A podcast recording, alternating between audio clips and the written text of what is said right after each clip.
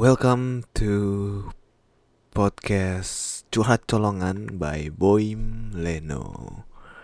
Yeah, it's me Boym Leno.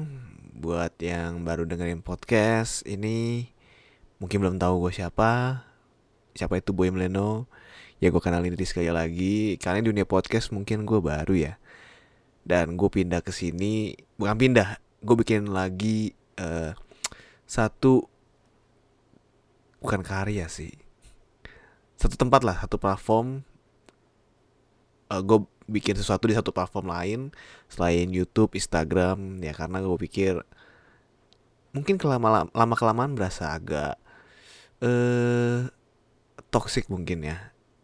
Uh, kayak mungkin kebanyakan uh, di kebanyakan apa ya tuntutan segala macam gitu. Mungkin kalau di podcast ini nggak tahu karena nggak ada feedback langsung ya nggak ada fitur komen kan ya. Kalau nggak salah sih. Ya gue nggak menyalahkan itu. Ya gue cuma bik uh, cuman kalau di YouTube sama Instagram sekarang kalau gue kalau dari gue sendiri gue harus berkonsep harus ada topik satu topik yang benang merah untuk satu channel YouTube sendiri atau satu Instagram sendiri. Jadi nggak bisa bebas upload nggak bisa sebebas itu upload apa pun. Ya kalau di podcast ini gue nggak tahu deh apakah nantinya ke depannya akan seperti kayak YouTube, Instagram juga nantinya harus ada konsep segala macam supaya bisa cepet naik atau kayak biar bisa uh, apa berkembang. Untuk sekarang sih sepertinya masih bebas ya untuk mau bahas apa aja, masih santai, masih nggak terlalu banyak tuntutan. Ya gue sih ngeliatnya kayak gitu. Oke, jadi balik lagi ke nama gue, eh ke perkenalan.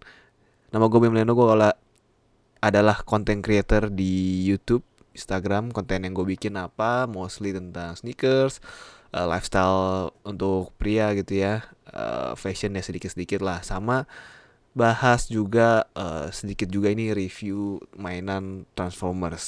Ya nanti itu gue bahas lebih lanjut kenapa Transformers. Ya gue adalah seorang content creator tadi gue bilang dan basic gue itu gue lulusan film production di School of Sound Recording mungkin nggak pernah denger ya jadi itu sekolah untuk audio sebenarnya tapi ada jurusan film productionnya. Terus ya udah gue kuliah di sana. Dan banyak juga ternyata yang lulusan sana akhirnya terjun di dunia film dan YouTube gitu ya. Dan eh, kenapa gue nggak ngambil di IKJ atau UMN gitu? Ya karena menurut gue yang atau pertama mungkin eh, IKJ gue nggak tahu tapi uh, kalau dari gua sih gua nggak gua gua gua gua nggak terlalu suka tempat yang rame-rame gitu ya kayak kampus kayak sekolah sebenarnya dulu gua nggak terlalu nyaman sebenarnya rame-rame gitu. Dulu gue sekolah juga temennya sama itu itu aja gitu. Uh, jadi SSR sendiri ya kampusnya kayak hampir seperti les-lesan sebenarnya. Tapi uh, ini uh, dia ada jur uh, lulusannya tuh ada S1 sama diploma. Kalau film itu diploma karena lebih praktek banyak kan. Dan mereka tuh ngeskip pelajaran yang sebenarnya kalau di kuliah kan kalian masih belajar bahasa Indonesia, belajar uh, eh, PKN segala macam itu kalau di sini enggak langsung belajar tentang filmnya gitu. Gitu. Jadi to the point. Saya suka to the point orangnya. Nah, tadi ada gue sedikit jelasin ya kenapa gue start podcast ya karena gue pikir podcast akan bisa lebih bebas uh, bisa menampung isi pikiran gue karena gue bikin podcast ini sekali lagi karena sesuai judulnya curhat colongan ya. Jadi gue nggak mungkin ini sounds lonely ya. Ya gue gue orang nggak pintar ngomong sih sebenarnya untuk ke, ke apa in person gitu gue nggak pintar ngomong. Kalau untuk cerita juga gue nggak bisa selancar ini nggak uh, runtut gitu ya. Kayak kayak ini sebenarnya juga nggak terlalu lancar kan masih ada uh, uh, uh, uh, gitu Ya, tapi begitulah. Dan di isi otak gue itu sangat penuh. Jadi tiap malam gue emang agak ada masalah susah tidur karena otak gue jalan terus gitu. Apa juga kepikiran aja gitu. Jadi apa pun dipikirin, gue nggak mau mikir sebenarnya tapi ya jadi kayak pikiran gue orang banyak penasaran. Jadi kadang-kadang kepikiran kenapa ini begini ya, kenapa itu begitu ya.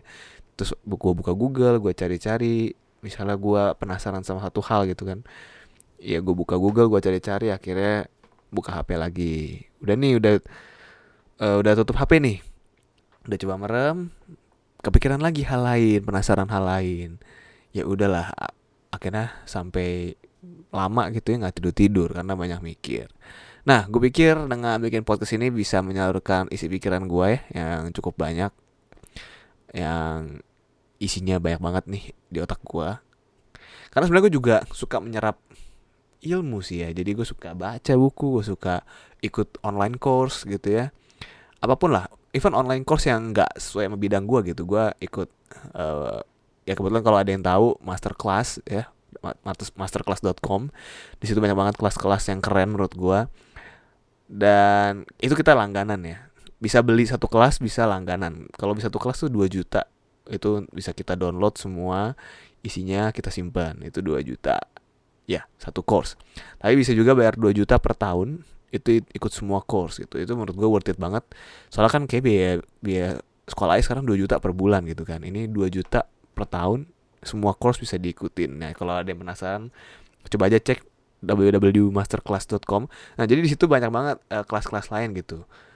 Gue sih uh, tahu masterclass.com dari iklan-iklan di YouTube gitu ya. Kadang-kadang gue lagi nonton video suka ada uh, ads sebelum videonya tuh tentang masterclass ini yang ngajarin tuh waktu itu berhubungan dengan film lah Martin Scorsese Aaron Sorkin gitu-gitu. Nah gue tertarik akhirnya gue coba ikutan ternyata worth it sih. Dan selain film dia ada kelas-kelas lain juga ada kelas Gordon Ramsay masak gitu ya. Even gue ikut gitu. Kelas Gordon apa kelasnya Gordon Ramsay.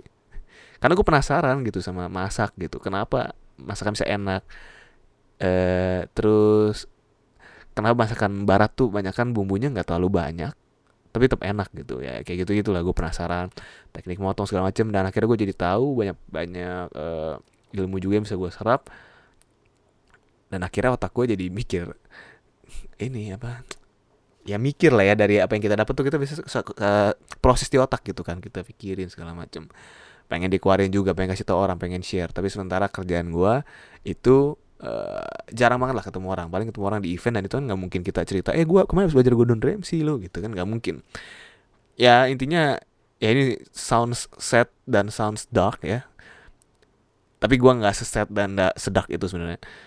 Ya intinya gue butuh teman cerita aja kayak gitu. Jadi makanya start podcast kayak gini.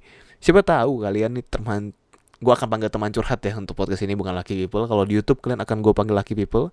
Karena nama asli gue Lucky Leno Samsu jadi ya Lucky Pip Lucky ya dari lu, dari nama Lucky itu gue ambil Lucky People. Kalau untuk di uh, podcast ini gue panggil teman curhat. Thank you teman curhat ya. Yang udah mau dengerin podcast ini gitu. Jadi thank you udah klik podcast ini. Ini podcast bakal ada di Spotify pokoknya ada Google Podcast di mana-mana banyak.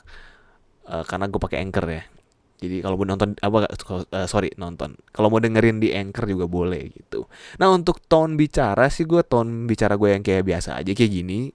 Nggak gue yang lebay-lebayin nggak yang kayak yo apa kabar gitu. Ya karena capek ya untuk podcast kita ngomong mesti nada yang menggebu-gebu dan uh, energetik gitu. Ya memang, memang energetik itu apa kalau kita memakai nada energik memang terbawa ke penonton gitu energinya.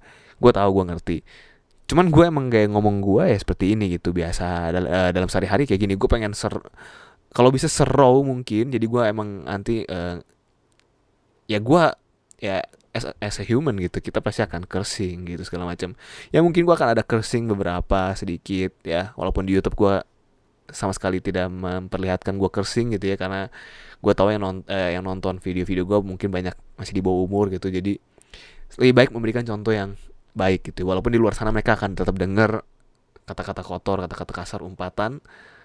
Ya tapi kalau untuk podcast ini uh, target gue adalah ya bukan yang di bawah umur lah karena ini bahasanya juga nanti akan banyak yang lebih berat ya. Karena podcast ini akan seru mungkin lah apa yang ada di otak gue ya gue keluarin aja gitu. Ya tapi ya, ya kira-kira juga sih ya. Nggak yang membahas yang sensitif juga begitu kan. Wih, aduh zaman sekarang lagi sensitif ya di Indonesia ini. Jadi ya akan tetap gue batasin lah hal yang bisa diomongin sama enggak minum dulu bentar. Jadi seru mungkin. Ya gue nggak tahu gimana dengan konsep ini apakah lu ada yang suka dan baiknya diuploadnya berapa kali sehari ya? Eh berapa kali seminggu? Gue sih mikir uh, untuk pertama-tama ini sekali seminggu dulu lah. Mungkin lama-lama bisa dua kalau tiap hari kayaknya agak gempor. Walaupun isi pikiran gue banyak sih selama tiap hari itu ya. Nanti kita lihat tapi kayaknya nggak nggak upload tiap hari lah. Uh, mungkin paling banyak nanti seminggu dua kali.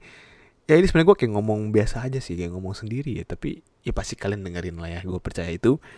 Teman curhat pada dengerin. Dan ini podcast bukan radio jadi tidak bisa request lagu mohon maaf ya. Mungkin request topik bisa di Instagram gua atau di uh, Twitter. Mention aja di uh, di @boymleno misalnya ada yang dengerin juga podcast ini di mention aja kalau ada yang mau komen tentang podcast ini segala macam di Instagram atau Twitter aja sarananya. Jadi lebih interaktif ya, jadi di follow tuh Instagram gua @boymleno dan Twitter @boymleno. Apalagi platform sosial media gua. Kayaknya gua nggak terlalu banyak main sosial media di YouTube, Instagram, Twitter juga gue jarang buka sebenarnya. Tapi kalau nanti ada aktif mention mention gue akan uh, main lagi Twitter akan balas balesin. Pokoknya intinya gitu uh, sarana untuk apa uh, berinteraksinya nanti di sana di Instagram dan Twitter ya. Jadi kayak gitu sih untuk perkenalan podcast ini curhat colongan curcol. Nah uh, sekarang kita lihat ya kenapa foto artworknya podcast ini itu gambar lampu terus bertuliskan curhat colongan gitu. Kenapa gambarnya lampu sendirian gitu ya? Ya ini sebenarnya lumayan deep ini filosofinya. Ya ini sebenarnya lampu diri di kamar gua sih ini gambarnya. Ini waktu itu gue foto pakai kamera analog iseng doang ngetes tapi ternyata hasilnya menurut gua bagus juga. Dan ini cukup menggambarkan uh, pesan yang mau gua sampaikan tadi seperti perkenalan tadi jadi memang ya si lampu ini sendiri ya sendirian.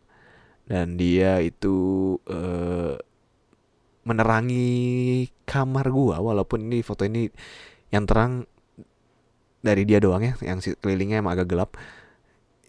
Ya dia berusaha menerangi lah sekelilingnya dia gitu. Jadi sendirian look how lonely this lamp. Ya intinya uh, eh, gue relate lah sama lampu ini gitu ya pokoknya kayak gitu.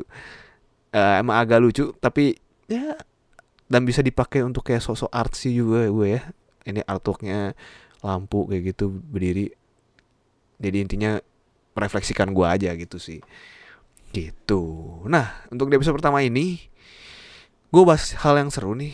Lagi lumayan banyak rame dibahas yaitu tentang hype beast ya.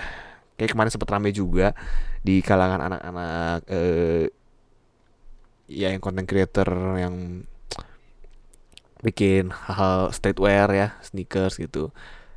Karena kemarin sempat hype bis itu sempat disinggung oleh Wesley Huang. Jadi dibikin konten judulnya kenapa benci hype bis tapi sekarang udah diganti judulnya. Iya ya dia bikin konten kenapa benci hype bis nah gue sih nggak mau concern ke video itu ya maksudnya gue udah pernah gue udah komen di video itu gue udah jelasin hypebeast bukan bukan style gitu. Hypebeast bukan style. Hypebeast itu sebenarnya adalah uh, majalah tadinya majalah media ya website websitenya ada hypebeast juga ya. Nah kebetulan uh, phrase hypebeast itu dipakai untuk menggambarkan orang-orang yang ngantri-ngantri tuh. Kalau ada sneakers baru atau ada baju baru tuh mereka ngantri walaupun mereka nggak suka yang itu hype. Nah itu disebut hype beast. Jadi kayak mainstream media tuh akhirnya uh, kata hype beast itu diadopt oleh mainstream media untuk melabel orang-orang yang yang beli barang mahal gitu tapi uh, gua nggak tahu nggak ngerti. Mungkin mereka nggak tahu sejarahnya nggak tahu value dari barang itu. Cuman karena brandnya yang lagi hype segala macem jadi mereka disebut hype beast gitu.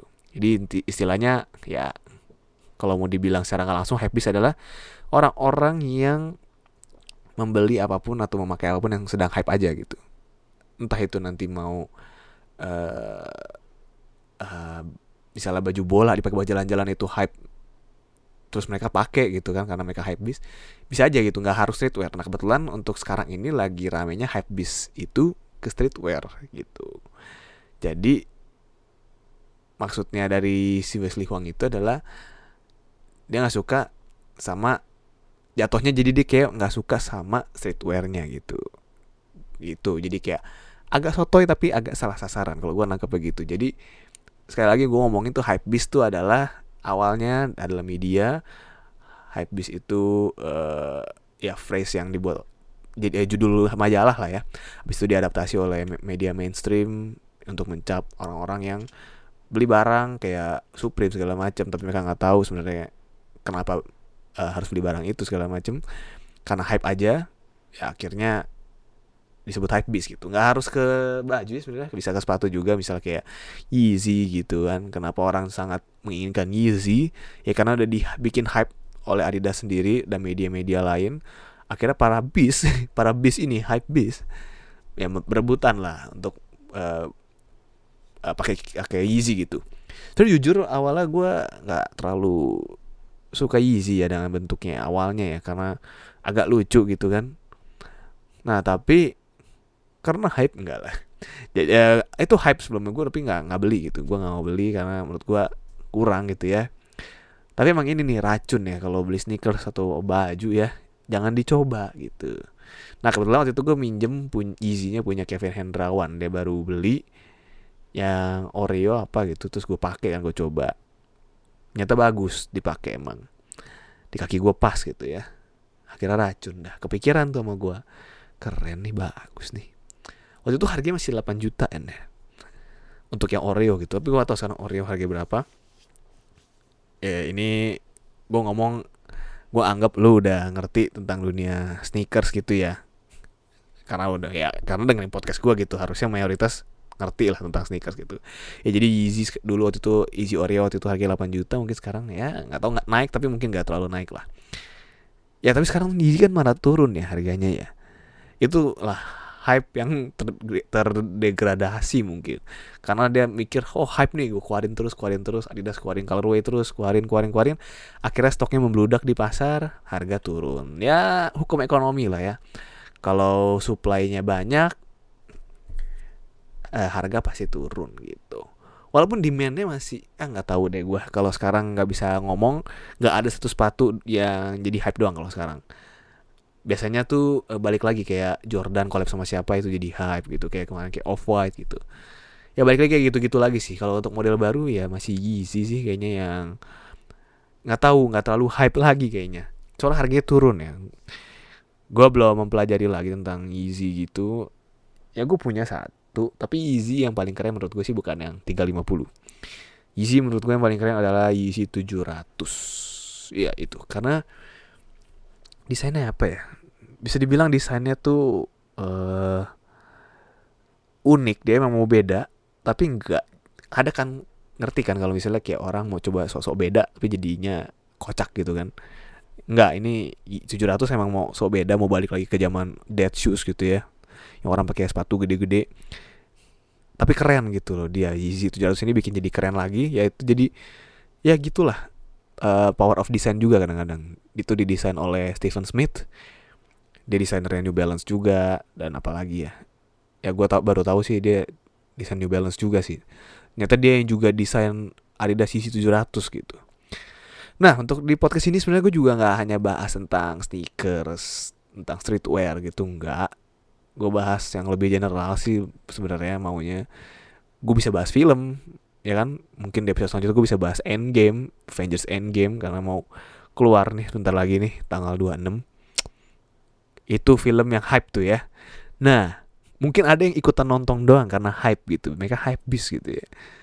Ada itu bisa disebut hype bis gitu karena itu Endgame lagi hype nih terus dia dia nggak nonton misalnya ada orang nggak nonton Avengers sebelumnya atau film MCU sebelumnya tapi dia nonton Endgame doang gitu biar ya hype aja gitu kalau ditanya udah nonton Endgame? Udah gitu. Padahal belum tentu ngerti. Ya ada juga yang kayak gitu gue nggak bisa judge. I'm not here uh, gue di sini tuh bukan untuk ngejudge gitu loh.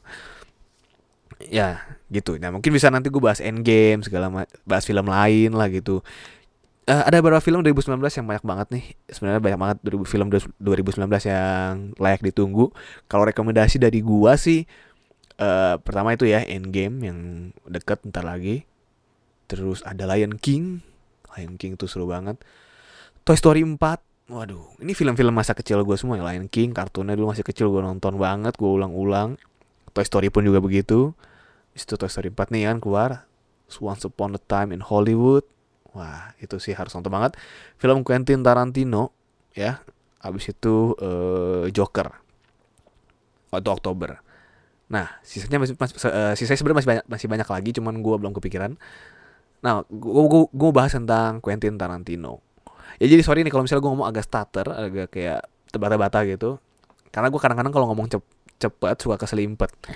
Tapi gue bawaannya ngomongnya cepet gitu ya. Jadi emang uh, mohon maaf ini udah ngomong di awal nih ya kalau emang gue agak ada stutter stutter tuh bukan starter motor gitu ya. Tulisannya S T U T T E L stutter itu uh, apa terbata-bata gitu. Abis itu kalau misalnya ngomongnya agak banyak jeda gitu itu namanya gue lagi mikir oke? Okay? jadi kita uh, balik bahas Quentin Tarantino tadi tadi gue bahas Quentin Tarantino. Quentin Tarantino ini sebenarnya saudara yang cukup unik ya dia itu uh, bikin film kebanyakan dialog sih kalau misalnya kita lihat tuh kebanyakan satu scene dialog panjang ya gitu. Tapi intens gitu. Bikin kita tuh kayak ini bro ngobrol doang sih. Tapi tegang gitu. Yang diobrolin tuh benar-benar stake-nya tinggi. Stake itu taruhan ya. Tak kayak taruhan untuk goalsnya itu tinggi. Di satu scene mereka ngobrol itu. Jadi itulah yang bikin Quentin Tarantino tuh beda gitu. Dan dia itu cuma mau bikin 10 film sepanjang karirnya. Dan ini film film nanti nih 2019 ini Once Upon a Time in Hollywood itu film ke-9 dia. Di mana nanti nggak tahu berapa tahun lagi dia akan bikin film ke-10 dan itu menjadi film terakhir dia. Film sebelum ini kan Hateful Eight ya, Hateful Eight terus Django kalau nggak salah Nah, Auto Hateful Eight itu kan film film ke-8 dia tuh. Nah, judulnya pas juga tuh, Eight Hateful Eight film ke-8. Nah, ini uh, Once Upon a Time in Hollywood. Jadi sepertinya ini akan menjadi surat cinta Quentin untuk Hollywood karena dia merasa Hollywood ini udah sangat berubah ya di zaman modern kayak gini, di mana ada Netflix, ada ya banyak lah online platform online untuk film. Di pasaran itu banyak banget, ada Hulu, ada segala macam ada Amazon Prime gitu ya nah si Quentin dan beberapa saudara sebenarnya Hollywood uh, beberapa saudara Hollywood sebenarnya nggak nggak mereka tuh nggak nggak support lah akan online platform ini. Karena mereka mikir ini akan bisa mematikan Hollywood ya. Karena memang sih film baru kadang-kadang ada di muncul di bioskop tapi di Netflix juga muncul. Jadi orang kayak males ke bioskop kayak mendingan nonton di Netflix gitu. Kayak kemarin apa ya? Triple Threat. Itu filmnya ada di bioskop gue lihat di 21 tapi ada juga di Netflix. Jadi kan orang bawaannya mau nonton di Netflix aja ngapain gue capek-capek ke bioskop gitu kan? Ya jadi gitu. Mungkin mereka uh, concernnya ke sana padahal kan uh, experience nonton di bioskop kan gak bakal bisa tergantikan gitu kan audionya layarnya experience nonton bareng orang lain gitu kan itu nggak bisa digantikan gitu di online platform. Kalau menurut gue sih bioskop agak susah untuk digantikan ya walaupun ada online platform gitu. Sama kayak radio lah. Radio juga masih didengerin gitu kan walaupun ada podcast ada uh, YouTube gitu ya tapi orang tetap di di mobil denger radio gitu loh habis itu uh, ya kalau si Quentin ini dia tuh bikin film cuma mau pakai kamera film. Maksudnya iyalah pasti pakai kamera buat rekam film kan. Tapi dia maksud maksud gue film ini adalah uh, roll roll film. Jadi dia mau pakai kamera yang cuma pakai cuma rekam bisa pakai roll film gitu. Kayak Christopher Nolan. Christopher Nolan juga kalau bikin film tuh pasti maunya pakai uh, film roll gitu. Karena menurut mereka itu lebih apa ya perbandingannya gini sih kayak lu nulis surat cinta pakai ketik ya pakai Microsoft Word sama pakai nulis tangan. Lebih meaningful yang tulis tangan gitu kan. Nah itulah analog gitu kan. Jadi ya feel uh, kenapa Nolan dan Quentin Tarantino dan lain-lain banyak saudara lain mau pakai kamera film, pakai roll ya karena itu mereka punya idealisme sendiri. Dan mereka bisa bikin works juga film mereka walaupun idealisme tapi tetap uh, laku di pasaran bahkan sampai luar negeri. Mungkin di sini nggak terlalu banyak fans Quentin Tarantino, gue nggak tahu. Tapi ya uh, di luar di luar sana tuh filmnya laku banget dan gue juga nggak sabar Once Upon a Time in Hollywood nih film ke-9 dia itu balik lagi kayak ke uh, setting filmnya itu balik ke tahun 60-an ya kalau nggak salah ya di mana Hollywood waktu itu masih jaya-jayanya jadi dia uh, seperti gue bilang tadi film itu sepertinya untuk surat cinta dia ke Hollywood gitu. Gitu. Dan pemainnya tuh ada si Leonardo DiCaprio Brad Pitt Margot Robbie. Terus gue lihat di trailernya sih ada kayak bisa impersonator Bruce Lee gitu ya itu keren juga sih. Ya gitu. Jadi itu makanya kenapa gue tungguin gitu. Endgame udah jelas lah ya ditungguin kenapa ya. Karena kita mau tahu kelanjutannya dari Infinity War kemarin spoiler alert pada jadi debu ya kan? Dan sekarang gimana kita penasaran gitu kan gimana cara nyelamatin cara balikin atau mungkin gak bakal bisa balik. Gue punya teori sendiri tentang Endgame. Mungkin di Endgame itu eh, sorry nantinya Thanos mungkin bakal nyesel udah nge-snap ya ini teori doang nih teori doang fans teori. Mungkin Thanos nyesel udah snap gitu karena dia korbanin banyak banget hal dan dia tinggal dapat apa-apa juga. Mungkin tidak ada perubahan yang berarti orang bakal bisa tetap beranak ya kan? Makhluk hidup bakal tetap berkembang biak walaupun dia udah habisin setengah gitu nggak ngaruh mungkin. Jadi akhirnya mungkin Thanos akan team up with the Avengers gitu untuk mengalahkan Thanos yang dulu nge-snap ya jadi kan emang ada time travel segala macam kan. Ini gue nggak tahu nih berteori doang ya. Mungkin agak mind blown tapi keren kalau misalnya itu beneran Thanos team up sama Avengers buat ngalahin Thanos yang dulu gitu yang nge-snap. Nah ini kita lihat nih ya gimana nih? Banyak sih teorinya mungkin ada yang bilang si Tony, Tony Starknya bikin uh, Infinity Gauntlet sendiri terus dia balik ke masa lalu buat ngambil Time Stone sebelum Time Stone eh sorry ke masa lalu untuk ngambil Infinity Stones itu sebelum diambil Thanos segala macam banyak teori itu kayak gitu juga. Nah makanya sudah nanti mungkin gue akan bahas lebih dalam tentang Avengers Endgame di podcast selanjutnya. Jadi untuk introduction podcast ini sepertinya sudah cukup ya. Pikiran gue sudah mulai kosong. Ya sudah tidak tahu mau ngomongin apa lagi soalnya gitu kan. Eh, udah mulai lega gitu ya jadi sepertinya uh, untuk episode pertama gue akhiri di sini obrolannya.